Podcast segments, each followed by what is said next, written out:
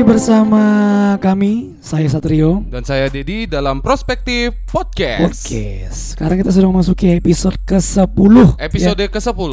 Sudah 10 minggu kita menemani teman-teman semua Dan juga kita ucapkan terima kasih banyak Buat para pendengar setia kita ya Kalau ada Iya. yang mendengarkan Seharusnya sih ada. Harusnya ada ya Seharusnya sih ada. Paling tidak kita yang mendengarkan. Kita berdua ya Iya. Yang kemarin aja belum belum aku share Wah, Belum aku dengar juga iya.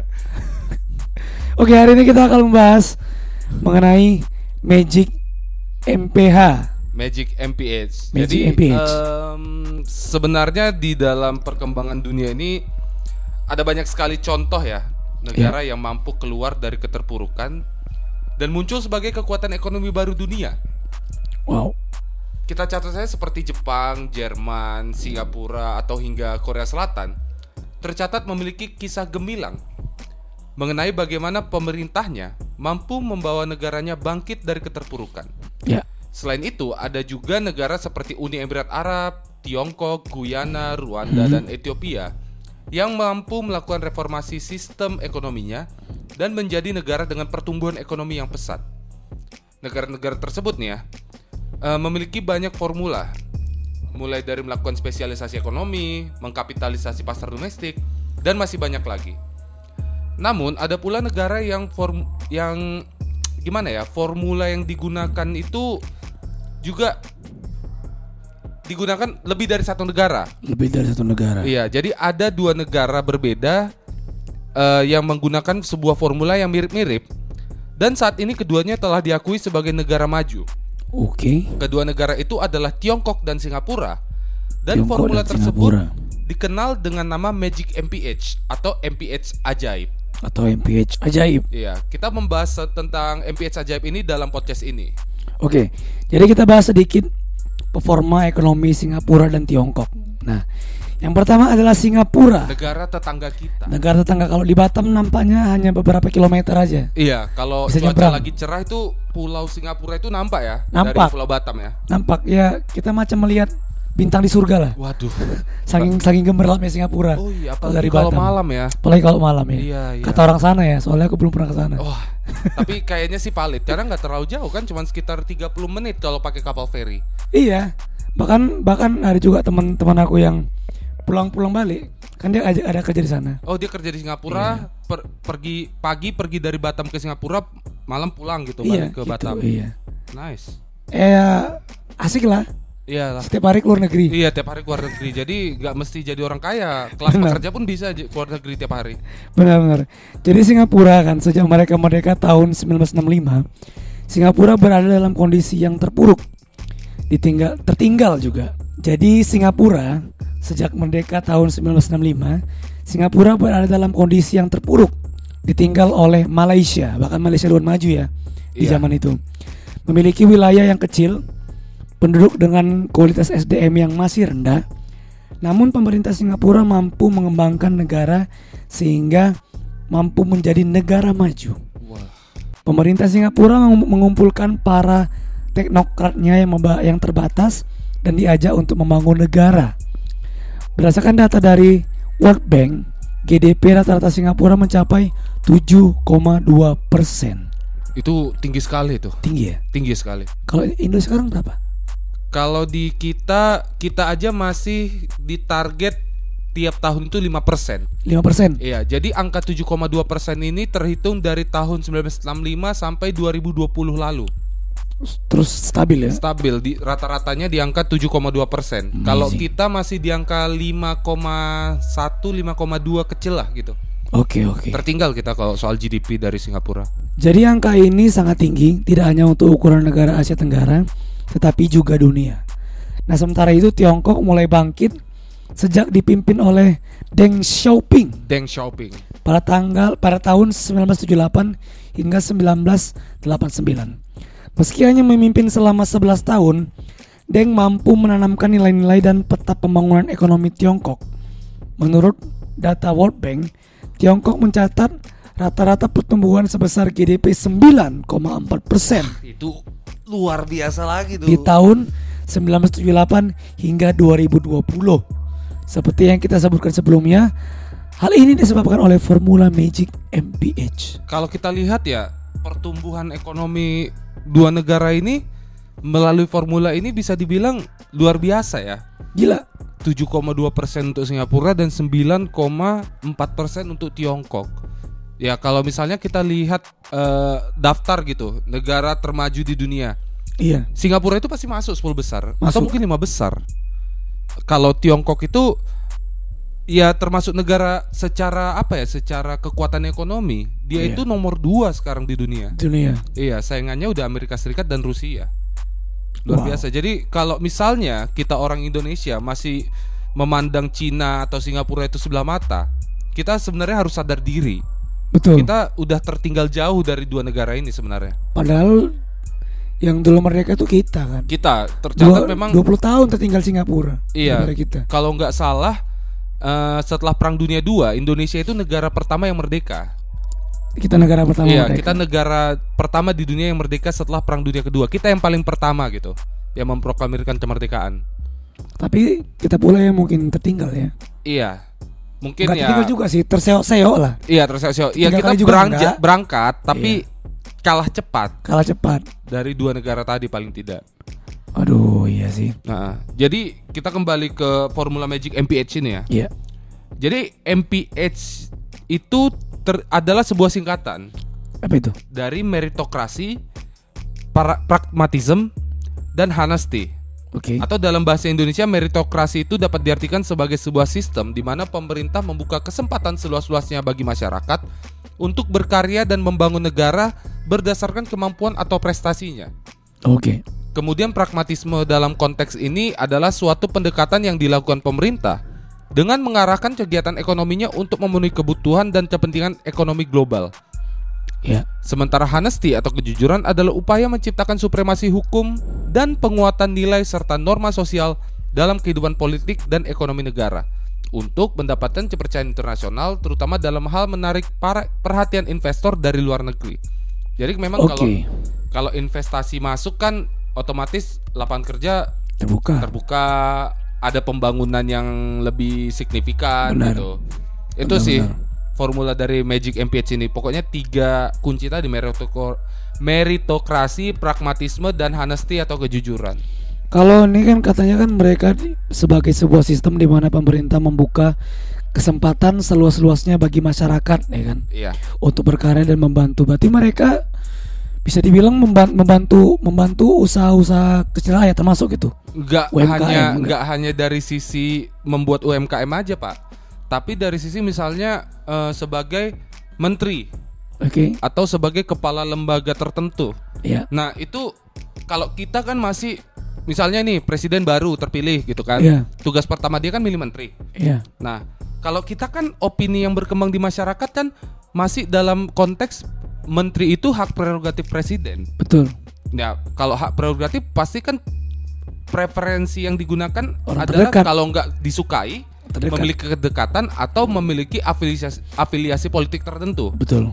Nah, kalau meritokrasi itu cenderung lebih bersifat eh, skill, Oh. kemampuan, ke, eh, memang pastilah ada kesamaan nilai yang mau dicapai kan. Iya. Tapi secara apa dia nggak belum tentu politis gitu. Oke. Tapi memang dari kemampuannya, eh, terus latar belakang pendidikannya, dia memang sesuai nggak apa yang dia kerjakan dengan ilmu pengetahuan yang dia kuasai. Berarti berarti gini, berarti eh, negara tersebut sudah memiliki data-data orang-orang yang bakal bisa dilantik nih. Jadi presiden tinggal milih aja nih Yes. yang mana yang sesuai Iya. dengan visi misi negara ya. Misalnya menteri contohnya misalnya kita buat sendiri lah misalnya Menteri menteri menteri permusikan misalnya. Oh, Menteri misalnya. Permusikan. Misalnya kalau ada Oke, kan. oke, oke. Ada Satrio misalnya. Iya. Ada Nyoto, Bang Derik. Eh, ada eh, Faris RM, Ya, ada ada Ariel Noah gitu ya. ada Ariel Noah, Kalau di antara keempat ini udah pasti Faris RM dong. Faris RM. yang paling yang paling Yang paling paling senior berpengalaman. berpengalaman Iya. itu kan yang paling musiknya paling oke yang paling mengerti seluk beluk musik Indonesia Iya. bukan Satrio Satrio mungkin cuma di Medan aja eh, mungkin di gedung kementerian itu sebagai staff mungkin. staff staff ahli ya Staf ahli, Staf ahli. atau staf bersih-bersih. Enggak juga Enggak lah juga ya. iya Staff lah. Staff. tapi kurang lebih seperti itulah konsepnya Seperti ya itu, iya. Jadi em, orang-orang pintar itu kan banyak.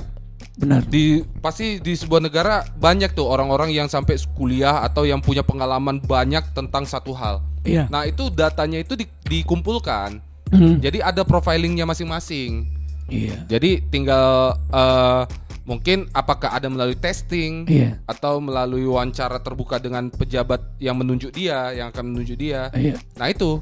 Jadi tidak melalui preferensi pribadi pemimpinnya atau afiliasi politiknya. Setu- lebih setuju sih, lebih, Lebih fair sih. objektif ya. Lebih objektif ya. Jadi apa namanya? Kita nggak ragu dengan kemampuan yang menjabat kan. Betul sekali, betul sekali. Misalnya nih, ini kalau kita lihat di negara Indonesia nih. Kalau menurutmu si siapa menteri pendidikan sekarang? Menteri Pendidikan Nadiem Makarim. Nadiem Makarim tuh cocoknya Kalau menurut Di saya Nadiem Makarim itu cocok di jadi Menko Maritim dan Investasi, iya ya karena dia basicnya bisnismen kan. bisnis. Betul. Iya, atau dia di Menko Perekonomian. Aku juga awal pada awal, awal dia menjabat kok kok kok Kenapa ke pendidikan kok gitu ke ya? pendidikan sih? Iya, kan Atau paling nggak ya- pendidik gitu. Atau ke transportasi kayak Ah, Lebih- ya, lebih cocok kan? perhubungan. Menteri perhubungan. Iya. Iya, karena ibaratnya dia bisnis punya dia punya eh, perusahaan yang besar lah gitu kan, Iya. Gojek dan industri-industri turunannya bergerak di bidang transportasi, perhubungan. Seharusnya antara dua itu dong gitu Iya. kan. Iya juga sih. ada juga Pak Sandiaga Uno. Ah, Kenapa iya. menjabat sebagai menteri ini? Pariwisata. Pariwisata. Dia kan Basicnya bergerak keuangan. keuangan dan dan energi. Iya. Dia bisnis juga kan. Iya. Ya, seharusnya dia mungkin ke menteri ESDM. Benar. Jadi ya masih banyak lah beberapa sektor lini pemerintahan yang Iya. tidak sesuai dengan belum bidangnya right orang-orangnya. man on the right place. Iya, benar-benar. Kita kembali lagi ya. Iya. Jadi menurut mantan diplomat dan dekan Lee Kuan Yew School of Public Policy in di Universitas Nasional Singapura. Itu salah satu kampus yang pengen saya masuki, Pak. Iya, bukan Tapi, UGM. ah, Bukan UGM. eh, jadi saya kemarin sempat mau mendaftar di kampus ini, Lee Kuan Yew School of Public Policy ini. Oke. Dan ketika melihat persyaratan beasiswanya, Iya. saya mau saya malu dengan diri saya Kenapa? karena standarnya sangat tinggi. Apa TOEFL? TOEFL-nya minimal 550. Oke. Kemudian ada banyaklah persyaratan salah satunya juga nilai dari S1-nya Berapa? di angka 3,5 harus cum laude. Anda? Tiga gak nyampe lah, nggak nyampe cum laude. Tiga juga tapi nggak cum laude juga. Dan kalau reguler ruang kuliahnya, Iya. nauzubillah, Berapa? mahal sekali Eh, di pu- puluhan ribu dolar Singapura per semester. per semester. Belum biaya hidup, belum makan, belum transport. Oh iya sih. Itu sih.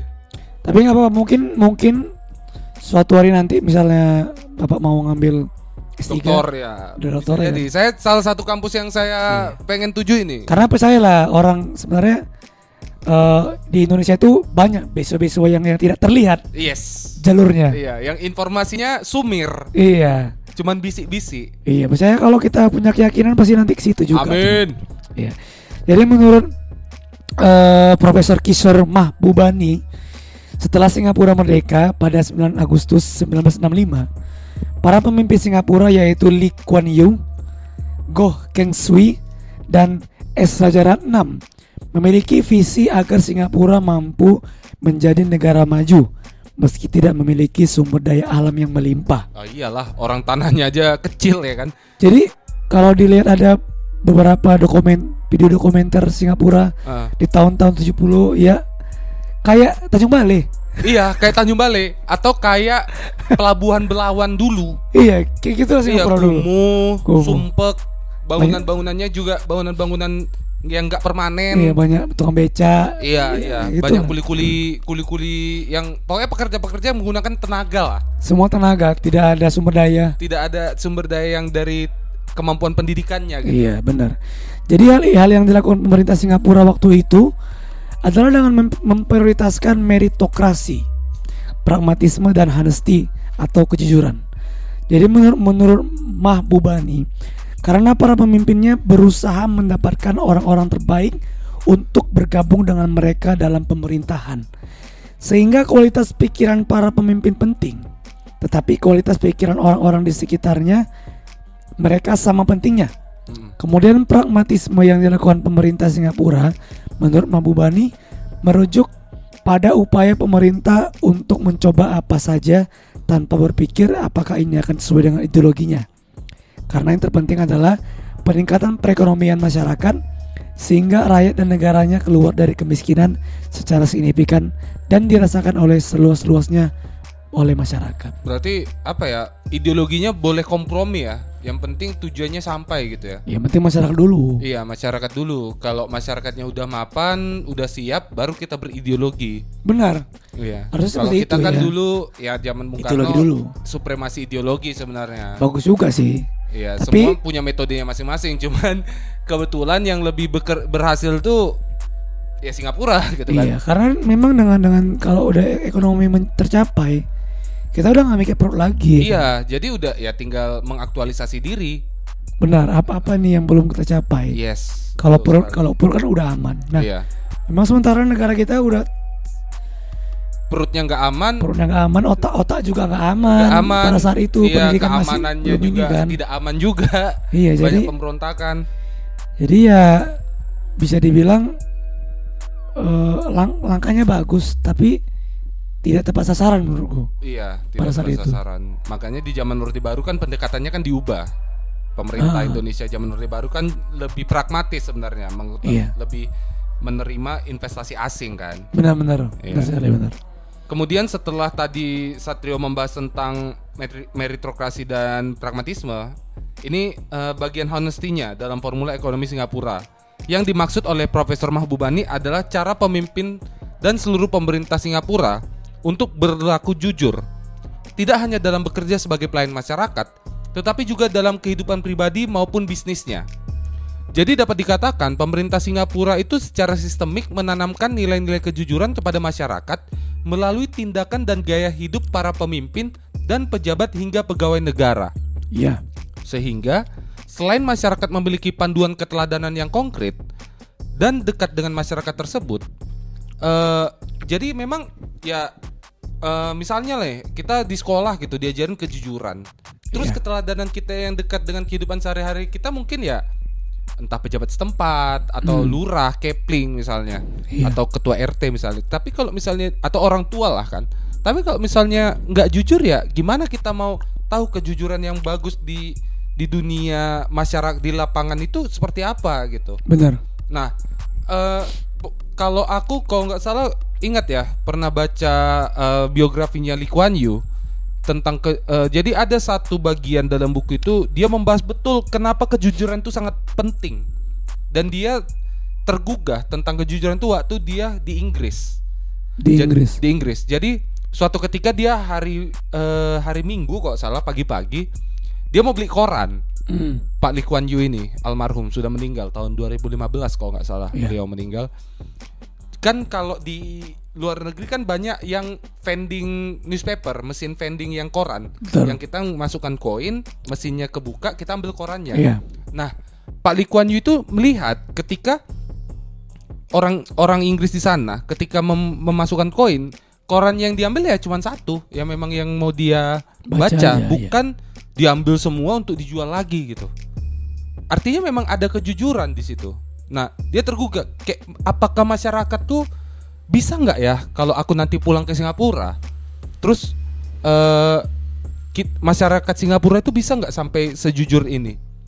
Nah, itu juga yang yang membuat dia menanamkan eh, nilai-nilai kejujuran. Bahkan semua pejabat sama pemimpin-pemimpin negara Singapura ketika awal-awal merdeka yang harus ditonjolkan tuh kejujurannya. Sampai gaya hidupnya pun ya sederhana, jangan jangan bermewah-mewah, jangan terlihatan terlalu necis. Betul. Sampai eh, ya kendaraan mungkin biasa-biasa aja. Iya. Mungkin eh, mungkin dia kalau misalnya jalan-jalan gitu ya cuman pakai fasilitas negara gitu kalau dia eh, jalan-jalan dalam konteks eh, kunjungan negara lah gitu Iya. kan misalnya dia ke daerah gitu tapi kalau sehariannya misalnya lagi libur misalnya dia mungkin pakainya biasa aja aku ingat sih Pak Lee Kuan Yew itu paling sering ya dia pakai kemeja putih kemeja putih terus lengannya di di apa di digulung udah celana panjang udah Simpel aja ya. simple nggak nggak pernah pakai jas yang yang gimana gimana gitu Ya, memang sih kan kejujuran ini kan sebenarnya modal utama kan. Modal utama. Modal utama kita bermasyarakat Iya. juga harus jujur ya. Ya, Karena eh, bahkan mendekati lawan jenis urusan PDKT yang utama adalah kejujuran. Betul ya. Jangan bilang kalau anak Anda adalah orang-orang Orang kaya, kaya, punya mobil di rumah. padahal mobil tetangga numpang parkir. Benar-benar sekali ya. Iya. Juga tentu ini bisa jadi apa namanya? Bisa jadi harusnya menjadi teladan oleh pem- Iya. pejabat Terus kan di eh, Indonesia. terus kan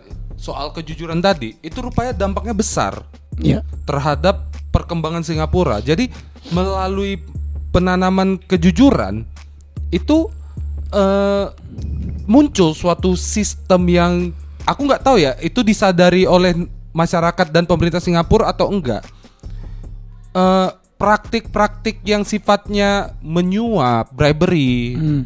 eh meng, mengelaku apa membentuk suatu oligarki sampai KKN itu itu minim sekali, kecil.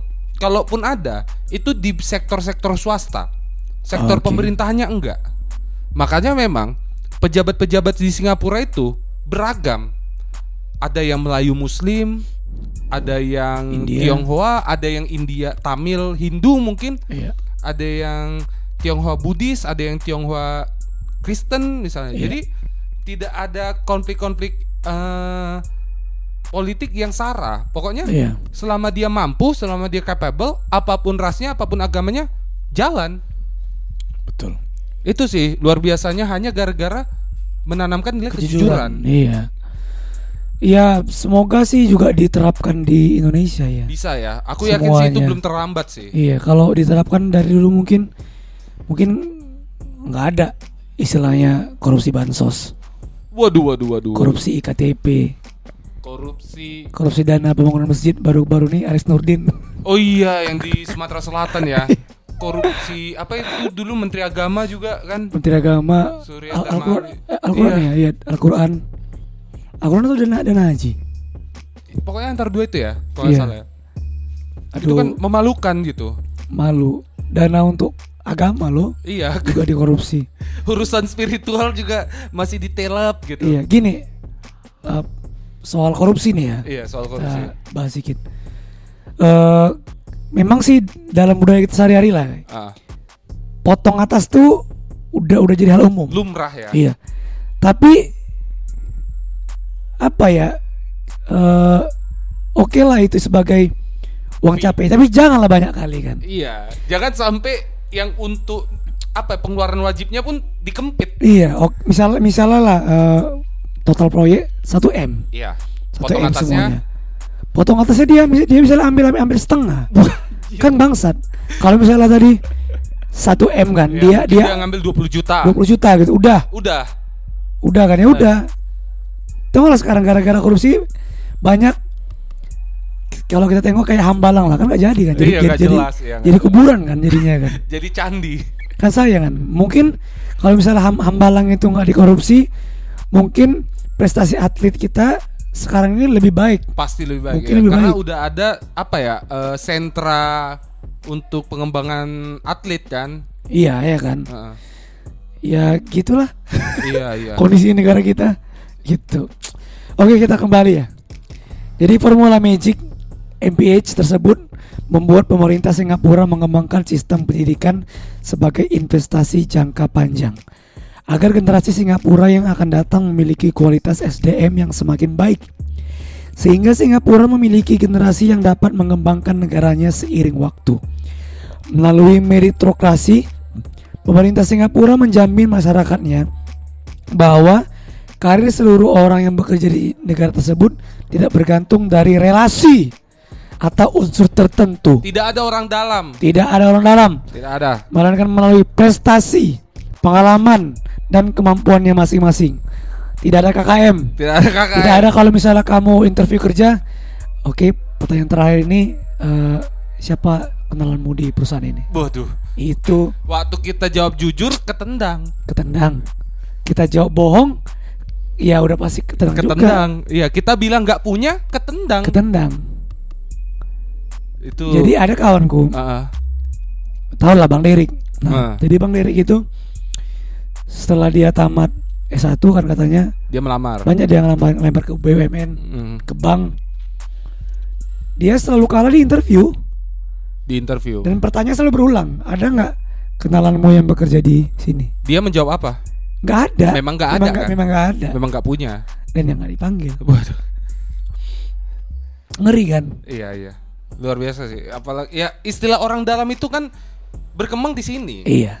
Padahal itu kan ibaratnya apa ya? Kalau punya orang dalam itu memalukan sih. Iya. Memalukan karena ibaratnya katakanlah itu keluarganya gitu. Masa ada suatu perusahaan yang diisi oleh banyak anggota keluarga? Padahal itu perusahaan yang ya perusahaan yang objektif seharusnya gitu. Iya. Karena dia bergantungkan menggantungkan kehidupan perusahaannya melalui bisnis. Iya. Kecuali mungkin eh, sistem perekrutannya melalui kode referral gitu. Ah. Misalnya, ya saya masuk melalui referral dari si A. Nah, Iya. ketika dia masuk, si A dapat bonus. Iya. Gitu ya. Tapi Iya. itu kan MLM. Iya, ada sih beberapa perusahaan yang menggunakan kode referral, Iya. refer- referral. Tapi itu memang perusahaan yang semua orang tahu. Perusahaan itu merekrut anggota melalui mekanisme itu, Iya. tidak secara sembunyi-sembunyi. Iya, betul. Ada juga gini, eh, apa namanya sistem perekrutan di Indonesia. Hmm, Misalnya dibutuhkan posisi ini iya. pria maksimal umur sekian, tamat S1, pandai mengendarai motor, ini ini ini, good looking. Iya. Banyak, terlalu terlalu, terlalu banyak kriterianya. Yang sebenarnya juga tidak terlalu relevan kan? Iya, para saat di, di lapangan nggak dipakai. Ah. misalnya good looking, untuk apa? Untuk apa? Ya kan? Iya. Yang penting kan skill public speakingnya, Nah itu oke. berbahasa asing Iya. misalnya itu seharusnya Kalau di luar negeri gitu misalnya dibutuhkan pria umur sekian bisa Photoshop, udah. iya nggak nggak perlu yang Serahkan CV-mu. eh, bersedia tidak menikah selama Nah, sekian iya. Atau sudah menikah atau belum? Heeh. Kan lucu. iya tidak tidak terlalu masuk akal sebenarnya atau tidak masuk akal sama sekali Nggak kan? masuk akal sama sekali. iya apa hubungannya ketika dia sudah menikah dengan kinerja dia selama bekerja Benar. kan nggak ada Nggak ada. Tapi kalau mungkin masih gender masih ya mungkin mungkin bisa bisa jadi atau sudah menikah bisa jadi kalau perempuan bisa jadi kan karena mungkin hamil atau melahirkan ya itu mungkin masih ada lah. perhitungan cara dia harus cuti hamil Iya. misalnya Tapi kalau pria belum menikah iya apa apa, apa urusannya gitu urusannya. Ya, itulah kita lanjut ya KKN itu. Iya.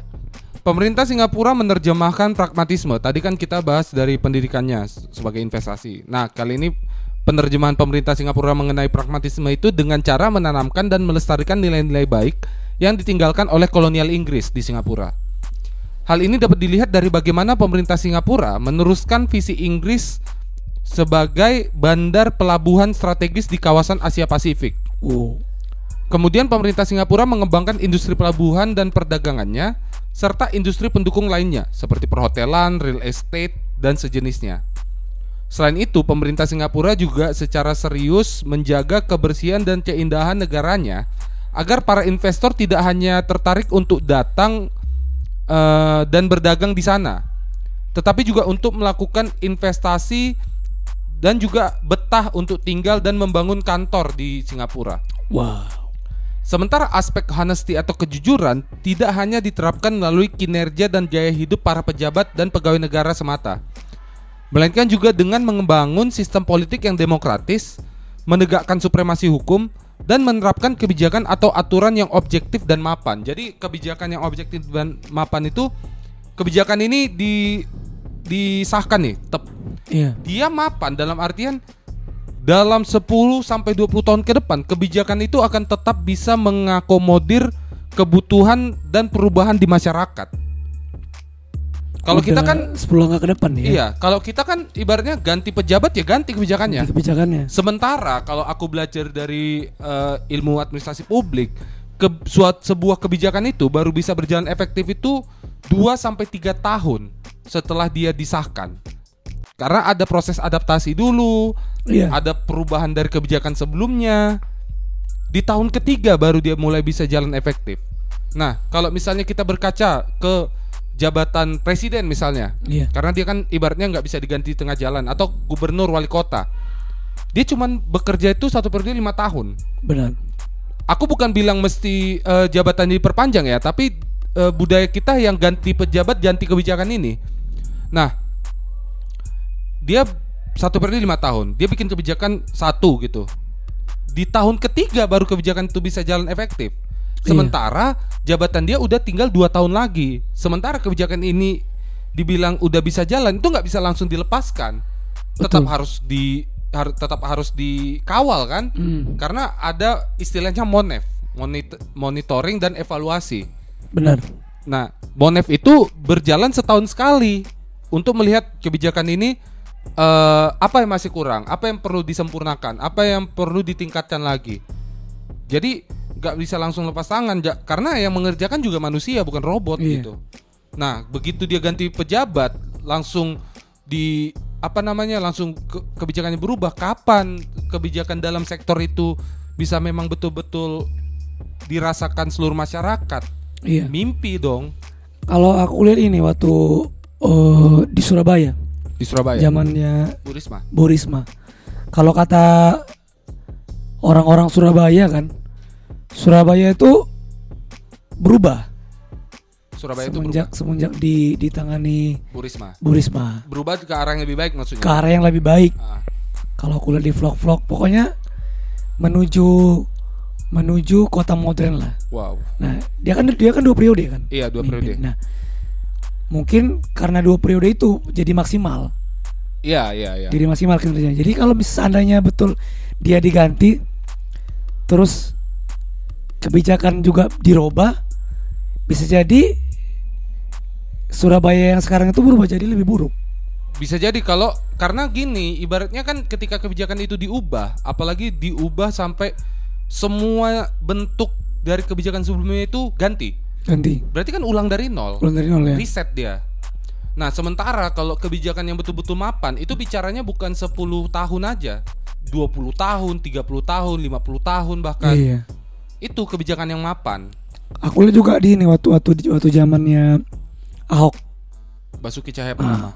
Waktu zamannya Pak Ahok kan, dia kan menggusur tuh, Iya. menggusur banyak tempat yang Tempat kumuh. Iya, peru- pemukiman-pemukiman ilegal lah. ya di, di- di- dijadikan apa namanya dijadikan flat kan, dijadikan apartemen kan, Hmm. dijadikan apa rumah susun. Oh, rumah susun. Rumah susun. Bukan apartemen dong. Iya, so berarti rumah susun. Rumah susun. Jadi udah udah lumayan berjalan, udah berjalan tiba-tiba ini masuk Pak Anies masuk Pak Anies ganti kebijakan. ganti kebijakan. Jadi Pak Anies nggak mau menggusur. 0%. Iya, Pak Anies nggak mau menggusur, dipermanenkan. Iya. Jadi eh, katanya kan, katanya yang yang yang aku baca, Ada Karena- pe- apalah pengamat lah ya. iya kata kata pengamat, pada saat Pak Ahok buat itu eh, apa namanya sistem sistem drainase bagus, Membaik. membaik, Nah, karena kan digusur, dibuat sistem drainase, mereka Iya. dipindahkan ke pemukiman rumah- vertikal. Iya, Iya, jadi lahan yang dibutuhkan untuk warga yang sebanyak itu nggak sebesar masyarakat yang tinggal di eh, lahan horizontal. iya. Ah, ah, Pada saat Pak Anies dibiarin tetap, dibiarkan. ah. jadi ya banjir lagi. iya, iya. Jadi udah mau bagus nih kan, Iya. tiba-tiba tuh berubah lagi kebijakan. Iya, itu itu sebenarnya. Makanya kalau kayak dalam tingkat pemerintahan pusat, aku eh, sepakat juga ada yang namanya GBHN. Jadi kayak zaman Orde Baru, Pak Harto Iya. itu bikin satu kebijakan yang sifatnya eh, lima tahunan. Jadi repelita itu rencana Oh, pembangunan iya. lima tahun. Tahu Nah, tahu.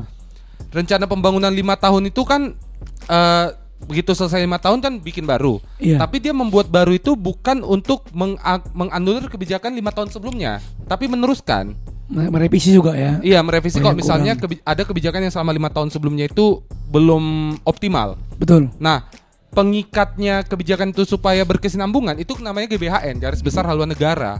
Oke. Misalnya kita mau swasembada pertani, GBHN-nya. Ya udah rencana lima tahunannya apa?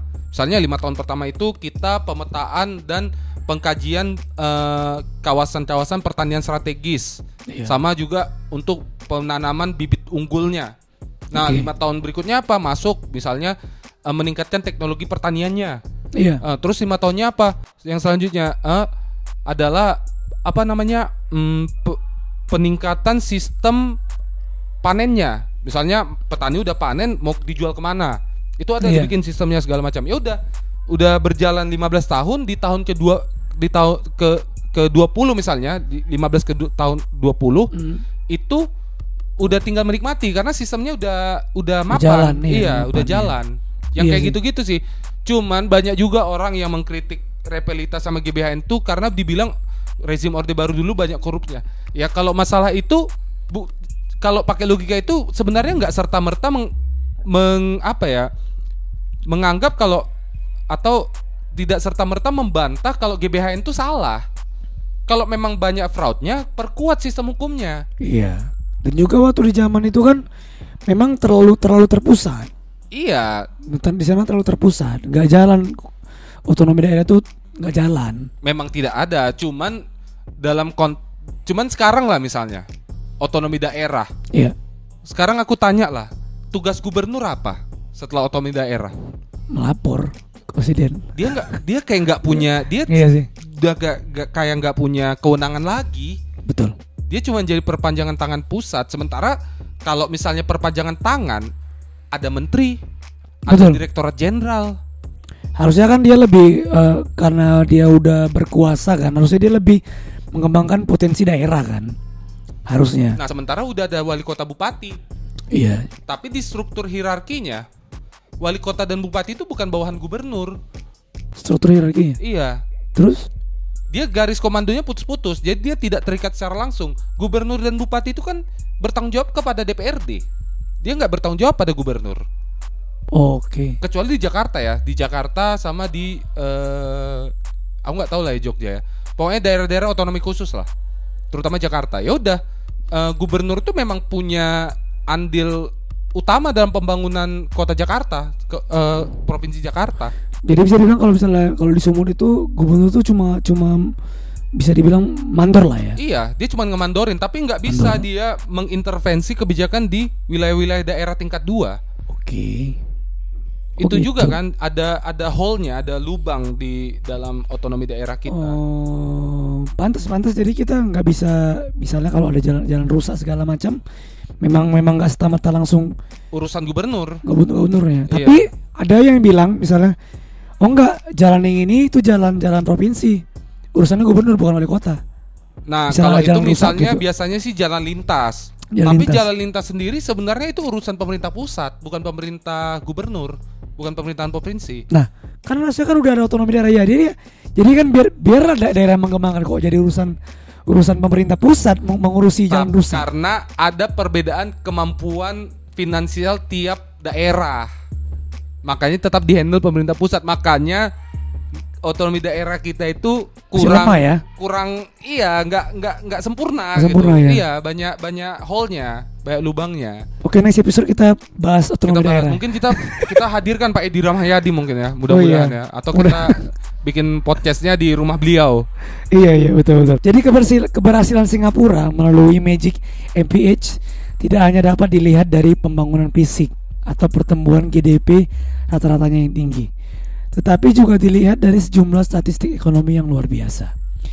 Berdasarkan data dari heritage.org, tercatat tingkat pengangguran di Singapura hanya mencapai 4,1 persen. Wow, rendah sekali. Iya, karena juga negaranya kecil sih. Ya masyarakatnya nggak banyak memang. Iya, iya. Jadi kemudian pendapatan per kapita Singapura pada 2020 mencapai 58.000 do- 58.902 dolar Amerika Serikat atau sekitar 841 juta rupiah dan masih banyak lagi. Ini hitungannya per tahun ya? Iya, pendapatan Per kapita per kapita itu pendapatan rata-rata masyarakat dalam satu tahun. Anjir. 800-an juta Gaji- setahun gaji- sebul eh per kapita per tahun ya ya. Iya. Bagi 12 aja Anjing. berapa duit tuh? Gajiku per per per tahun aja mungkin paling tinggi 25 juta. Bagi 12 Kalau kalau rutin ada job ya. bagi 12 berapa itu? 25 Ya. juta, dua setengahan Iya, ya dua sekitar setengah 2,5 juta. Gak ny- ya sekitar UMR.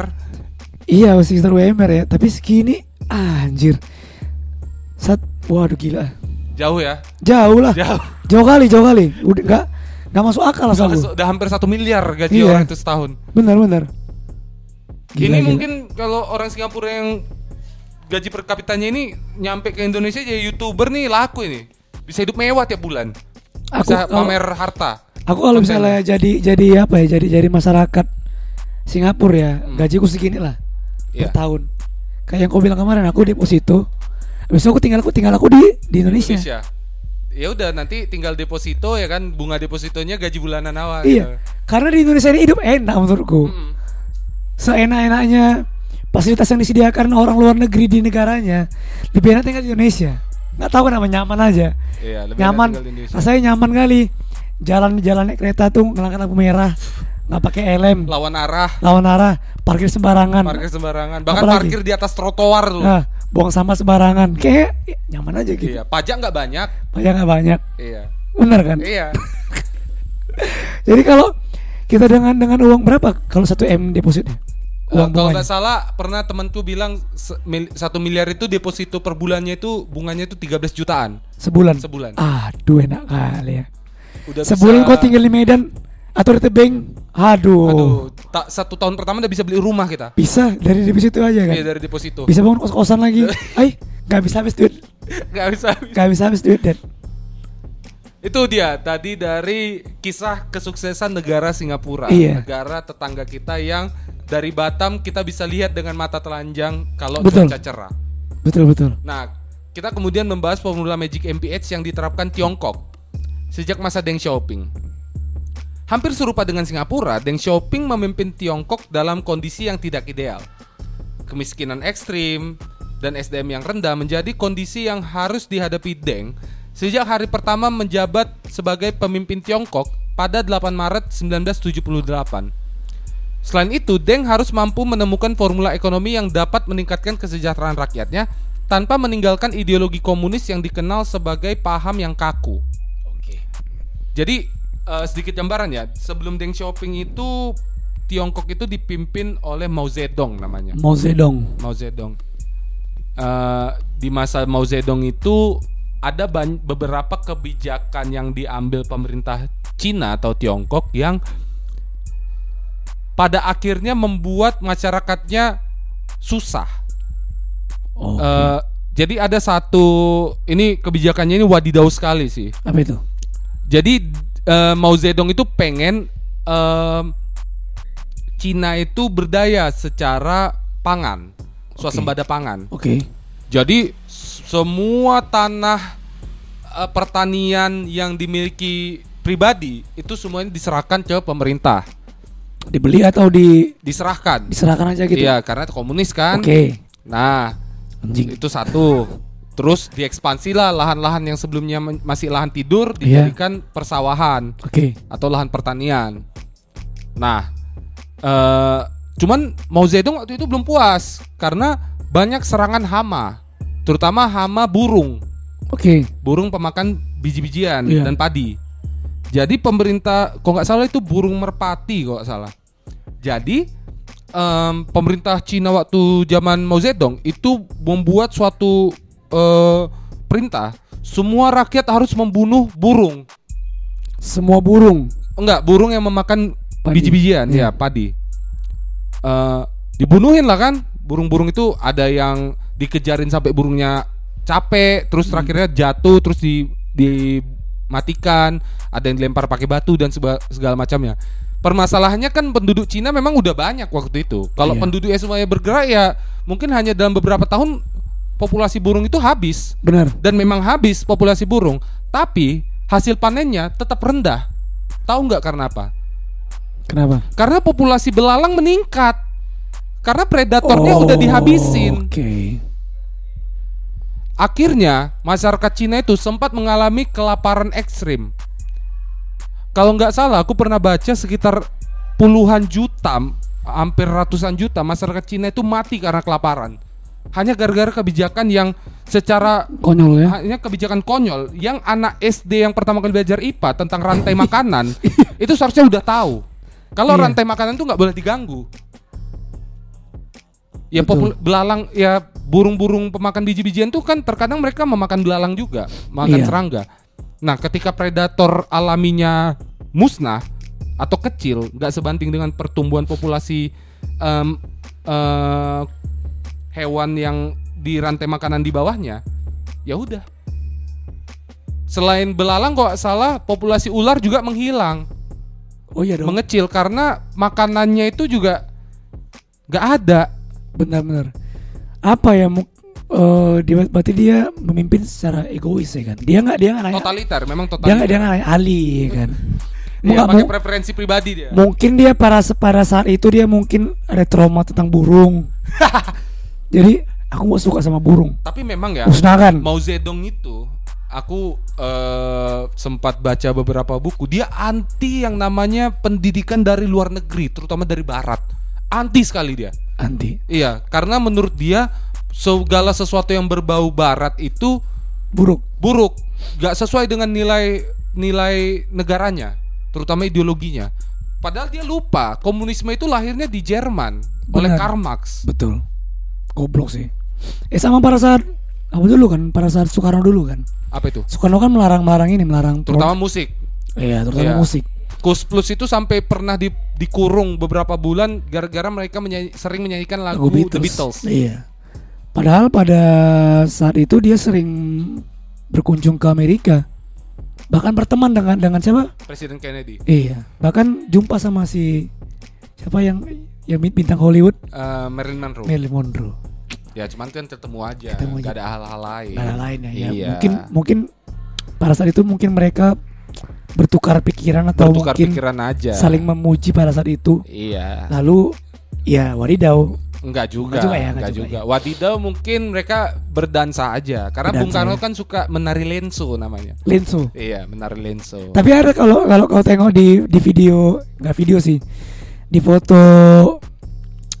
ada di foto Yang Marilyn Monroe sama Bung Karno yang senyum-senyum itu. bukan ada Oh, bukan. video eh video ada foto Bung Karno dengerin musik ada orang di belakang kita Oh, dia dia nutup tutup telinga. tutup telinga Iya, iya, sambil ngudut. ya ya Iya, iya. ya bisa itu dibuat meme orang pada saat itu Bung Karno menutup telinga untuk musik-musik dari barat bahkan banyak bahkan banyak di, di- dibakarin kan Iya, kaset, Kaset. apa bukan kaset lah, piringan hitam, vinil. hitam.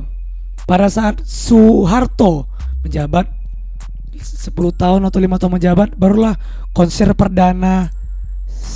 Kalau nggak salah itu konser perdana siapa yang, yang nyanyi yang yang lagunya tet tet tet Apa tet, eh, di. Purple. di Purple kan pertama konser di Indonesia itu Di era Ancol, era, Su- era Soeharto. Iya, iya. Di Itulah Ancol konser itu. perdana musisi luar negeri pertama. di Indonesia pertama. Iya. Padahal di tahun Padahal kalau di Asia Tenggara itu The Beatles itu tahun 60-an atau 7 iya 60-an. Iyalah pernah ke Jepang orang itu. Pernah ke Filipina. Filipina pernah ya? Filipina. Di Manila mereka Di konser. Manila. Iya. Baru tahun 90-an Michael Iya. Jackson di Brunei. Jadi kata kata ini ya kata musisi-musisi zaman dulu ya. Hmm, Aku dengar dari Iet. Om Iet itu vokalisnya God Bless. Oke. Musik Bukan Ahmad Albar. Iya, panggilannya Iet. Oh, Iyet. Oh, Iya. Habib Habib dia iya, tuh. Iya, Habib.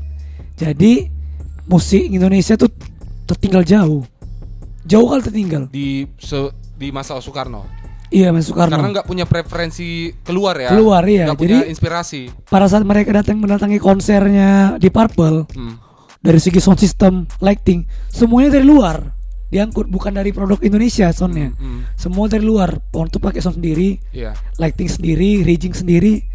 Pa- Pas satu tengok, wah gila lah itu nggak tahu entah ber- berapa puluh ribu watt sound systemnya. Iya. Pokoknya kencang Mungkin kali. satu kota itu harus dipadamkan listriknya untuk memenuhi kebutuhan listrik konser. Bisa jadi soalnya berkilo, berpuluh kilometer dengar suara-suara Oh. speakernya itu di, di zaman itu. Karena baru pertama kali mungkin lu masyarakat ada apa ini bising-bising gitu. Iya, uh kok- pokoknya kencang kali lah katanya. Iya ya. Sampai yang di depan tutup kuping dengari suara gitarnya itu. Iya, Padahal mungkin kalau sekarang itu biasa aja kan. Biasa aja. Iya iya. Terkejut ada shock culture mungkin. Iya, mungkin itu terjadi sama siapa namanya tadi? Si Deng Shopping. iya, Iya. Ketika menutup dia harus- diri. Eh Mao Zedong. Ya mau saya dong. Iya dia menutup diri. Begitulah. Oke mana nih sekarang? Bapak kenapa break the Oh iya. Oh iya. wall ini? Sampai saking serunya serunya. ya, serunya membicarakan negara sendiri ya. Jadi semenjak dipimpin Deng menanamkan filosofi yang berbeda dengan pendahulunya, Mao Zedong. Filosofi yang dibawa Deng adalah istilah mengenai tidak peduli kucing hitam atau kucing putih. Yang penting adalah mampu menangkap tikus. Betul juga ya kan? Jadi filosofi tersebut lebih pragmatis dan dapat diartikan bahwa jajaran pemerintah yang dipimpin oleh Deng akan melakukan apa aja dalam meningkatkan ekonomi dan kesejahteraan rakyatnya. Proses tersebut kemudian dimulai dengan mereformasi sistem birokrasi, politik, dan diikuti reformasi sistem ekonomi Tiongkok secara radikal. Ya, jadi terserah siapa aja yang mau menjabat, yang penting tujuannya adalah Mensejahterakan masyarakat. mensejahterakan masyarakat. Iya, Gitu semua harusnya. semua hal yang mungkin sebelumnya dianggap tabu kalau itu bisa mencapai kesejahteraan tabrak aja. Iya, nggak ada itu istilah bagi-bagi kursi ya kan. Nggak ada, nggak ada. Ya bagi kursi tapi kalau kau mau mumpuni ya it's okay. Silakan. Iya, Ya kan. iya. Jadi menurut sebuah jurnal berjudul Understanding China's Administrative Reform yang ditulis oleh Ziong Lan pada tahun 2000, Deng Xiaoping mereformasi birokrasi dan politik Tiongkok melalui lima program utama. Yang pertama memperjelas tanggung jawab dan fungsi berbagai unit serta personilnya. Yang kedua menyeleksi bakat berdasarkan kemampuan Ah, yang terdiri dari berjiwa revolus- revolusioner, mantap. eh, berjiwa muda, berilmu dan terspesialisasi. Kemudian ketiga membangun sistem pensiun yang sistematis bagi para veteran. Lalu yang keempat pelatihan penguatan kader dan yang kelima mengurangi jumlah kementerian dari 100 menjadi 61. Uh, Hal ini dapat dilihat sebagai cara Deng dalam melakukan meritokrasi. Iya dong, karena ada ada menyeleksi bakat kan tadi betul betul. yang ciri-cirinya harus revolusioner, berjiwa muda, memiliki ilmu dan terspesialisasi kan. Iya. Nah, dalam aspek ekonomi, pemerintah Tiongkok di era Deng Xiaoping itu melakukan kebijakan yang lebih pragmatis. Menurut Barry Naughton dalam buku berjudul Deng Xiaoping The Economist, Deng mengarahkan perusahaan milik negara atau BUMN milik China untuk menjalankan bisnis yang lebih menguntungkan, termasuk mempermudah praktik senzai agar BUMN-nya dapat memperoleh pendapatan besar melalui transaksi ekonomi di dalam negaranya. Jadi eh, budaya senzai itu pernah kita bahas di episode berapa ya? Eh, yang soal menjiplak. Menjiplak. Oh ya, episode kedua atau tiga gitu. Iya, beberapa episode sebelumnya. Jadi budaya menjiplak itu diarahkan supaya dalam bentuk kegiatan ekonomi. Betul. Jadi eh, kita lihat nih di luar negeri produk-produk mana yang eh, apa namanya dianggap bagus gitu, yang bisa dikatakan sempurna gitu. Kopi. Kopi jual di dalam negaranya Iya. karena masyarakatnya banyak, transaksi ekonominya cepat, Betul. devisa negaranya meningkat, Betul. ekonominya pun meningkat. Se- se- sederhana sebenarnya, tapi ketika dijalankan kejadian Kejadian. Tiongkok jadi salah satu negara ekonomi terkuat di dunia sekarang ini.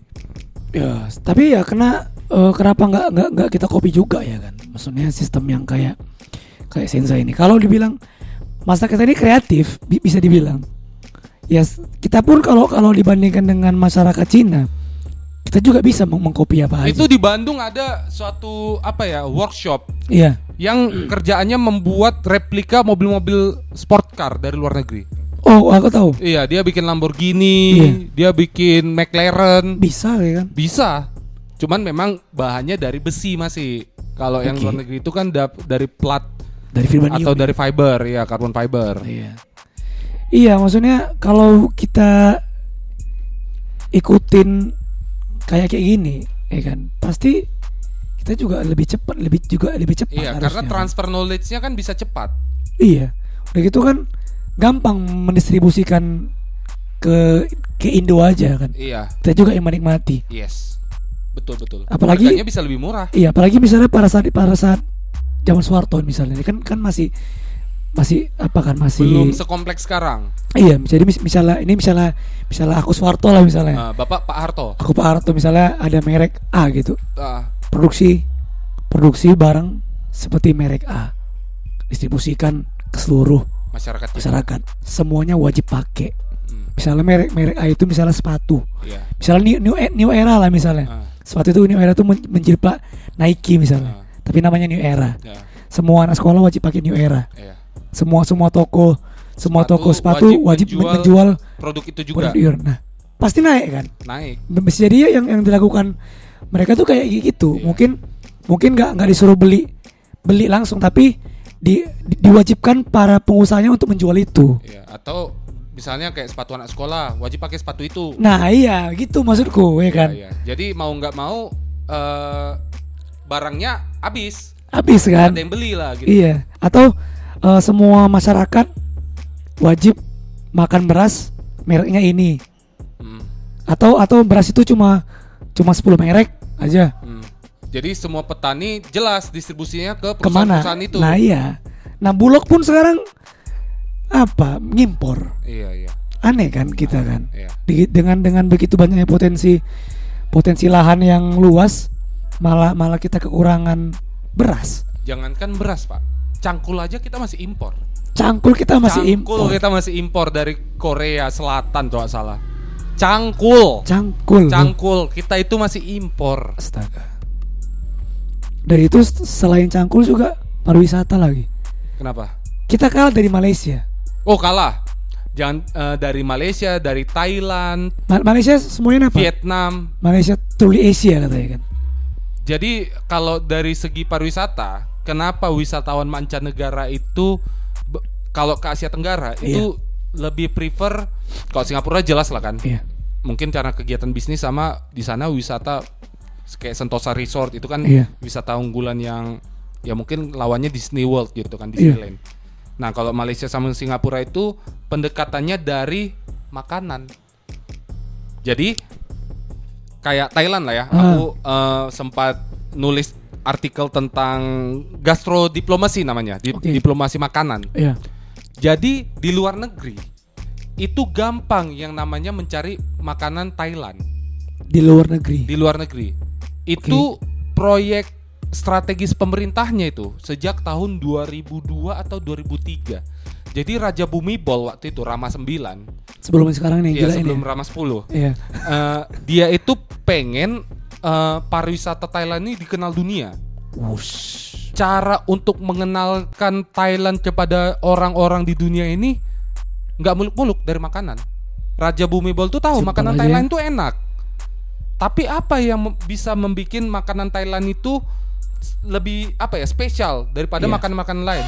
Iya. Dia mengedepankan makanan Thailand itu makanan-makanan sehat. Jadi restoran-restoran Thailand yang di luar negeri Iya. itu dia kerjasama sama semua pengusaha-pengusaha bidang makanan yang awalnya mungkin buka sendiri-sendiri di luar negeri.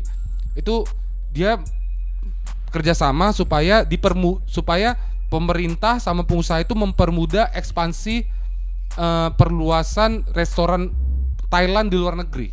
Hmm, oke. Nah, dengan cara itu masyarakat luar negeri itu langsung tahu image Thailand itu makanannya sehat, makanannya enak. Nah, seiring waktu itu mulai apa? Mulai timbul rasa ingin tahu orang ke Thailand lah. Pengen nyoba banyak makanannya awalnya. Iya. Nah, sampai di Thailand itu langsung eh, turis-turis itu di dari bandaranya itu dari jalan Thailand itu nggak cuma makanan, tapi pemandangannya indah, daerah wisatanya banyak, terus eh, di sana juga bebas seperti di barat. Jadi masyarakat di luar negeri juga, oh kayak di rumah sendiri ya, cuman ya suasana Thailand. Apa ya Sekarang mereka Thailand itu di Asia Tenggara itu nomor satu dari segi wisatanya. wisata ya. Iya. Mereka tuh ini ya apa namanya? Bagus dalam membranding membranding negaranya sendiri. Cantik punya pak. Kita gini loh. Masyarakat luar negeri sekarang ini bahkan sekarang ya yang yang yang, udah internet sudah luas gitu bisa diakses. Mereka mereka tahu cuma Bali doang. Iya, Sampai sekarang Bali. cuma cuma tahu Bali. Kalau makanan Indonesia mereka cuma tahu nasi goreng, terus rendang satu-satu aja. Iya. Mereka nggak tahu misalnya saksang. Nggak tahu Mereka nggak tahu bayi panggang. nggak Mereka tahu mereka sayur lodeh atau nggak sayur tahu asam. ayam rica-rica. Nggak tahu mereka Nggak ya. tahu. Gitu- Karena gitu memang enaknya. gimana ya? Belum tersistem. Iya sih. Bahkan kalau tanya you know, you know Indonesia, Indonesia Bali katanya. Nah, Pasti ke Bali, udah iya. udah nggak ada lagi. Mereka bahkan ngira Bali itu bukan Indonesia. Iya, itu. Bali ya Bali gitu. Bali ya Bali gitu. Ya kayak film Julia Roberts, Eat Pray Love. Nah, itulah. Jadi kan kemarin itu kan siapa ya si- siapa yang punya net TV? Apa? Yang punya net TV siapa? Eh, Wisnu Nah, Tama. Wisnu Tama kan sebelumnya kan Menteri Parek Kain Parekraf. Ya. kan diganti tuh. Iya ganti Pak Sandiaga. Iya, kenapa diganti? Pada pada saat itu dia di zaman dia dia mengepus ini Nusa Kambangan. Nusa Kambangan yang yang, yang, yang di yang di ini ya yang di. Destinasi wisata. Iya. Udah lumayan udah lumayan ini. Transport rate Nusa Kambangan. Iya. Naik. Banyak wisatawan ke sana. Banyak gara-gara dia apainya. Tapi bisa diganti kan. Sayang. Sementara Kebijakan yang baru kebijakan yang baru si Sandiaga ke Danau Toba. padahal sebenarnya bisa jalan barengan. Bisa. Masalahnya gini. Udah beberapa udah beberapa pemerintahan yang fokus ke Danau Toba. Sampai sekarang nggak berubah-berubah. Iya. Malah makin sunyi parapat itu. Iya. Gak usah lah parapat. Eh, apa tuk-tuk tuh. terus samosir. Akses jalan aja masih apa deh makin rusak loh Den. Enggak, enggak, enggak. Kalau- kalau kita jalan dari- udah bagus. Kalau kita dari Siantar ke Prapat, udah bagus, Pak. Udah bagus. udah sekarang udah. Udah, udah. Terakhir aku kemarin tuh 2000 berapa? tahun ini Tahun ini. masih ada yang yang yang bolong-bolong. Oh iya. Iya. Maksudnya ya itu kan hal, ke- hal Kalau mau jalannya bagus dari tele, Pak. hal kecil Den. Kalau Bapak mau jalannya bagus dari tele. Iya, tapi ya Pemandangannya juga Ya, indah, cuman kita harus jangan- mengorbankan beberapa jam gini lebih loh lama. ya, jangan janganlah janganlah kita kita bilang kalau mau bagus dari tele ya. Kita kan wisatawan harusnya dari dari mana aja Mana kan yang paling cepat ya? aksesnya ba- yang yang bagus lah dikasih Iya, kan. iya, iya. Kayak gitu loh. Sama dibilang Pak Sandiaga udah oke kok sektor ini segala macam ya. Kau ke Prapat atau kau ke Danau Toba kau naik helikopter anjir. bukan Bukan bukan, jalan jalan darat. Ya kan segitu loh. Maksudnya ya sayang gitu apalagi kemarin presiden bilang kan sempat dia mau apa kan mau ngapain fokusnya ke Danau Toba kan. Hmm. Jokowi- Salah satu Jokowi kawasan kemarin kan. pariwisata strategis nasional. Iya, iya enggak juga sih. Kalau kita ke sana ya bisa-bisa aja. Hmm. Kalau kalau kata orang-orang tua dulu di tuk-tuk itu di Samosir masih masih banyak bule-bule jalan-jalan rame gitu. Tapi sekarang sih enggak sih. Dia sepi memang. Sepi kali. Sayang gitu. Atau kayak di Sumatera Utara misalnya, em, ada misalnya kan orang ke Bali mungkin surfing, Iya, eh, wisata pantai. iya. Padahal orang tuh belum tahu Nias itu Ah, daerah pantai itu bagus. iya Nias. Apalagi di Nias Untuk- Utara. untuk surfing kan? Sorake kalau salah namanya. Untuk surfing, Iya, surfing ya. Pantainya pun cantik. iya. Bahkan katanya kan siapa yang yang ke, yang kawan Vin Diesel yang di Fast and Furious yang meninggal itu Eh, em, Paul Walker. Nah, Paul Walker tuh dia, dia punya Ke rumah Mentawai. di Mentawai. Iya, karena dia ngelihat pulau kepulauan Mentawai itu punya pantai sama ombak pantainya bagus. Nah, Cantik punya untuk surfing. Nah, Gak aku- cuma Bali. kalau Sabur kalau kalau disebutkan sih, kalau misalnya dia masih hidup tanya kau tahu Indonesia, kalau saya mungkin nggak tahu dia. Mungkin dia cuma tahu Mentawai mungkin. Iya. Itu karena karena gini, kalau kayak Kenapa gitu Thailand ka- Thailand itu jadi corong corongnya Thailand untuk dikenal negara dunia, Iya. orang-orang dunia itu melalui makanan. Kita Nah. nggak punya corongnya ke sampai ke masyarakat masyarakat di luar negeri, nggak banyak. Tapi kita sudah ini sudah ada Wonderful Indonesia. Ya, itu kan nama program, Nama program, wisata di Indonesia ya sama ke Thailand Amazing Thailand, Iya. Malaysia Visit Malaysia. Enggak, Tuli Asia. Itu tagline-nya. Tagline-nya. Iya. Visit Malaysia, Thailand Amazing Thailand. Kemarin tuh baru baru baru geger lagi tuh. apa itu? Ma- Ma- Malaysia ngeklaim rendang. Baru aja. Kalau aku sih ya ya ya, ya Karena gini, Ya, ya, hubungan ya, ya orang udah. Minangkabau dengan Melayu Malaysia itu Dekat. udah terjalin sepuluhan atau ratusan tahun. Gini. Otomatis ada masakan rendang itu nyampe ke sana. Satu, satu lagi gini.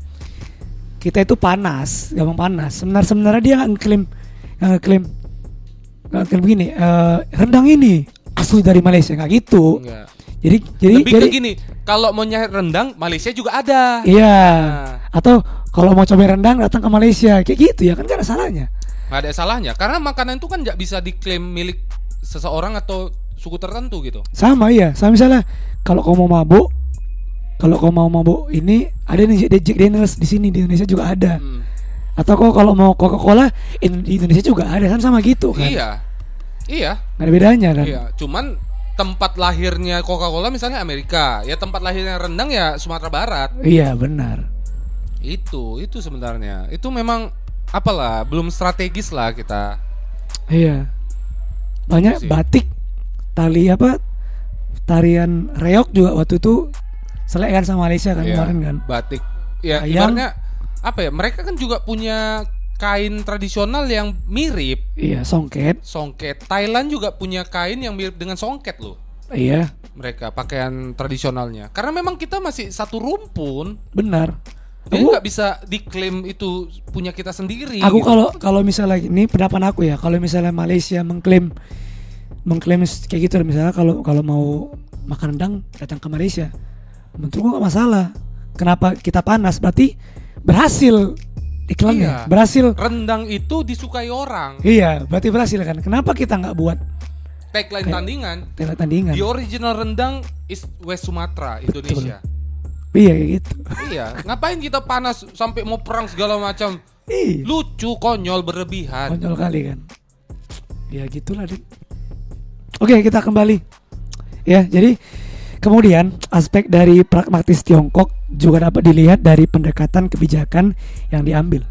Menurut akademisi Universitas Stanford David Lampton, Deng Xiaoping tidak ragu membangun institusi negara yang stabil, efektif, dan dapat diterima masyarakat. Deng juga mampu menyeimbangkan tuntutan masyarakat dengan apa yang disediakan institusi, negara. Lampton menjelaskan kebijakan Deng merupakan bagian hilir dari proses mendefinisikan masalah, menetapkan prioritas, menentukan pilihan, membangun koalisi yang mampu mengadopsi kebijakan, dan memastikan kebijakan yang diambil dapat diterima masyarakat secara rasional. Konsep honesty atau kejujuran yang dilakukan pemerintahan Tiongkok terletak pada cara Deng Xiaoping dalam menegakkan hukum. Segala bentuk korupsi dan penyuapan yang terjadi dan melibatkan oknum pemerintah pasti akan dihukum mati. Hal yang ditanamkan Deng tetap dijalankan dan disempurnakan oleh penerusnya seperti Jiang Zemin, Hu Jintao hingga Xi Jinping. Iya, kalau korupsi memang Wow. di Cina sampai korupsi ada sekarang obat ya. udah kecil di Cina ya mati, Mati bahkan mati. dieksekusi di depan keluarga sendiri Dieksekusi kan? depan keluarga terus eh, itu dipertunjukkan ke masyarakat. Anjing. Nggak ada toleransi, Pak. Bapak mau pejabat, mau pimpinan partai kalau Bapak korupsi hukumannya mati. Mati. Tapi itu melanggar HAM. Loh, persetan dengan HAM. Hmm. Yang penting pendidikan masyarakat. Iya sih. Dia sudah berbuat salah gitu. Betul. Untuk apa kita ham-ham tapi ya korupsinya penegakan hukumnya lemah. Terus nanti di tempat lain ada korupsi lagi. Masyarakat jadinya kan nggak takut. Oh ada ham kok. Iya sih. Kok ambil aja. Paling Kayak- penjara 2-3 tahun. Kalau yang kemarin jangan hukum mati jangan, jangan hukum saya. Hmm. Saya sudah dibully, saya cukup menderita karena sudah dibully oleh masyarakat. Loh, pembulian perundungan yang terjadi pada pejabat yang oknum pejabat yang korupsi Wajar ya? itu wajar karena masyarakat nggak percaya sama sistem hukum. Betul. Betul, betul. Masyarakat ragu dengan sistem hukum yang dijalankan sekarang. Karena gini, dulu aku ingat waktu kita masih kecil, zaman-zaman KPK itu masih dipimpin zamannya Pak Antasari Asar. Oke. Itu eh, apa ya? Bisa dibilang propaganda untuk anti korupsinya itu kuat. Karena waktu itu KPK tiba-tiba pejabat tinggi aja bisa ketangkap karena korupsi. Itu sebenarnya udah pas, udah jalan yang tepat. Terus tiba-tiba dibuat dilanjutin, dilanjutin, dibuat, dibuat polemik. Iya ada Pak Antasari polemik. kena ya kan? Iya pejabat berganti Pak Ab- Abraham Samad juga kena, Kena ya. dibikin polemik segala macam lah. Ya sekarang kita lihat ya kepercayaan masyarakat terhadap KPK itu udah turun. Betul. Bahkan ada pula undang-undang pelemahan KPK. Diduga ya. Diduga, kan? Ya apanya indikasi-indikasinya seakan-akan ya KPK itu udah sekuat dulu gitu. Betul.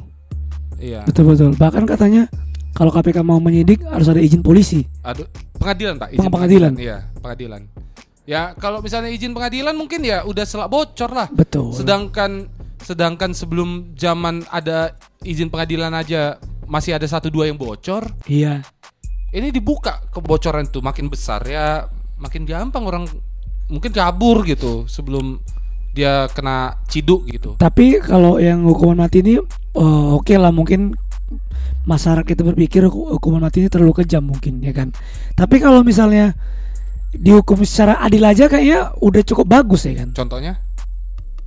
Ya misalnya kalau menurut aku ya versi aku misalnya ada ada dana korupsi korupsi gitu kan. Hmm. Ya dimiskinkan aja. seluruh Kan melanggar HAM juga. seluruh seluruh harta diambil, Kan melanggar HAM juga. seluruh harta ya kan kan persetan Oh, HAM tadi oke. kan. Iya. kan kan yang penting nggak membunuh. Iya, iya. Harta diambil, terus hak hak Politik ya? publik, hak politik dicabut, Heeh. termasuk apa namanya? Termasuk juga ke keluarganya. Sampai keluarganya juga kena. Iya, misalnya kalau dia dia, dia berkeluarga ya anak bini ya kena. Nggak boleh berpolitik. Nggak boleh berpolitik. Ya gitu. Cuman menurutku aja ya. iya, Dia nggak bisa nyalon. nggak bisa juga. Hmm. Menurutku itu aja kayak udah udah cukup berat. Perlu Menurutku ya. dibunuh ya. Iya, nggak perlu dibunuh juga. Mungkin Cina nggak cuma membunuh sih, dimiskinkan juga. Mungkin Hartanya ya. disita juga, Mungkin gitu ya. terus bunuh. Tapi kalau yang kemarin kalau yang di kalau kita lihat di Aceh, Aceh kan kalau mencuri potong tangan, Enggak, di, Nggak ya? di apa di dicambuk, dicambuk ya. dicambuk depan umum. Kalau mencuri ya, Hmm. nggak potong tangan ya. Seingat tuh nggak sampai potong tangan sih, dicambuk. Tapi yang kemarin yang, yang gubernur kemarin korupsi kan. Siapa namanya? Lupa aku ya. Ya Ya dia cuma di penjara. penjara aja. ya. Nggak dicambuk dia depan. Aduh. Ya gitulah maksudku ya ya se- seadilnya aja gitu. Iya, iya. Kalau saya nggak peduli mau maupun dia mau dia pejabat tinggi ya ya udah ya udah diadili aja gitu. Jadi kita gini. Kak, jadi kita eh apa namanya? Jadi mengkotak-kotakan hukum kayak misalnya orang mencuri mencuri ubi di penjara tiga tahun, mencuri uang rakyat 3 miliar Tiga tahun tiga juga. tahun juga gitu. Apa nilainya sama gitu? Iya, iya, Ya. paling enggak kalau kita berapa berapa misalnya se- se- sebatang ubi. Ya, misalnya mungkin, gope. Iya. Sementara dia berem-eman tiga tahun. Harusnya kelipatannya kan, ke- kelipatan tiga tahun itu kan. ya mungkin di miliar mungkin 5000 tahun dia di penjara. Bener kan? Iya, iya. Ad, itu adil. Ya, nggak apa-apa si, si tukang ubi itu di penjara tiga tahun. Asal yang yang mencuri 3 miliar itu 5000 tahun. Wah, lima ab, lima milenium dia di Iya, penjara. iya nggak masalah. Betul kan? Itu baru adil. Gitu Iya, di iya. sih. nggak perlu hukuman mati juga. Kalau menurut saya sih pemiskinan itu perlu. Iya kan? Tapi ada juga perlu pelaku korupsi itu dihukum mati satu dua. Satu dua ya. Ya, misalnya dia mengkorupsi dana penanganan bencana, Atau anjing kali itu. nah, atau mengkorupsi dana jangankan cuma korupsi, dia memainkan dana bantuan sosial. Apakah dia menerima suap supaya tender untuk pembelian bantuan sosial itu menang? Itu juga Dana- harusnya dihukum mati. Dana umat untuk agama lagi, Ah, untuk juga. keagamaan. Iya, untuk keagamaan urusannya dengan Tuhan. Benar. Kita percepat aja dia ketemu sama Tuhan. Iya juga sih ya. iya. Em, tapi ya itulah maksud banyak banyak sekali apa namanya birokrasi birokrasi yang yang kayak kau bilang nggak jelas ya kan ganti pemimpin ganti kebijakan. kebijakan terus mau urus mau urus apa-apa dipersulit kalau kalau kayak buat KTP aja dipersulit Lama. mau ujian CPNS saja harus ngurus ini itu ini itu harus fotokopi KTP juga padahal Fotokopi KTP itu nggak masuk KT akal tuh. Padahal KTP KTP, itu kita sudah- elektronik. elektronik sudah menyangkut semua informasi kita Iya, kalau perlu kita nggak perlu pakai ATM nggak perlu. Ya, KTP kita itu aja. Iya, kita masukin ke apa ATM. Cuman benar ya kan nggak ada bedanya kan KTP bahkan banyak teman-temanku, tetanggaku yang KTP elektroniknya itu sampai dilaminating karena takut segelnya rusak. Heeh. Saking banyaknya fotokopi-fotokopi. Dari zaman dulu loh memfotokopi. KTP. iya padahal lu Bahkan data data kita itu ya kayak kayak banyak meme Iya. bungkus gorengan tuh ijazah, fotokopi ijazah, fotokopi Oh, soal iya. UN. betul Padahal tuh rahasia loh. betul Ya betul ya maksud tuh gini sih. Setidak bernilai itulah rahasia di tempat kita. benar Itu sih. Ya mungkin kita sampai ke kesimpulan tentang Magic MPH. Kalau menurut Bapak gimana?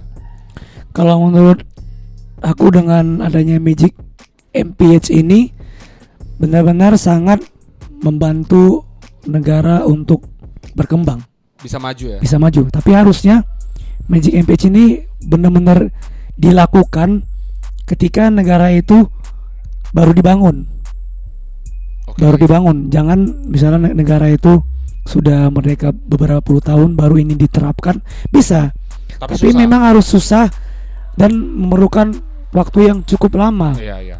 Sepakat, sepakat. Sepakat kan? Dan Iya. juga harus harus eh, sama-sama legowo para para pemimpin di negara tersebut Hmm, kalau mau negara ini maju. hmm. Ya kan? Misalnya dalam hal eh berganti pemimpin, berganti kebijakan. Ya harus diperbaiki aja kebijakan yang lama. Iya, Jangan diganti diubah. kebijakan lagi. Iya. Gitu karena bakal terseok-seok kita nanti Pasti, pasti. pada akhirnya. Aku tuh sih. Lebih kalau mau kalau kita mau lebih bagus ya pelan-pelan lah diubah MPH ini. Itu aja sih dari aku. Ya kalau menurut aku apa ya eh, fenomena Singapura dan Tiongkok menjadi negara-negara maju itu membuktikan bahwa semua negara baik itu negara Asia, negara Afrika, Eropa atau Amerika sekalipun di benua Amerika itu pasti bisa maju, pasti pasti bisa maju. Sekarang eh, apa namanya yang harus dilakukan adalah eh, temukan harus ada keinginan terutama kayak bapak bilang tadi ya kan apa para pemimpin gak hanya pemimpin negara pemimpin politik juga harus ber- bersama-sama untuk menemukan suatu formula yang bisa memajukan negara dan kemajuan itu nggak cuma dirasakan elit tapi sampai ke Rakyat tingkatan kecil. masyarakat yang paling kecil yang serendah-rendahnya. Dia paling enggak kehidupannya meningkat. Karena gini ibaratnya orang miskin atau orang yang dalam kondisi sangat terpuruk dia nggak dia kalaupun meningkat eh, dia nggak akan dia aku yakin dia nggak eh, sampai pengen jadi konglomerat juga. Iya sih. meningkat taraf kehidupannya dua kali lipat misalnya dari yang miskin menjadi sederhana itu udah cukup karena real gitu terbukti. Iya.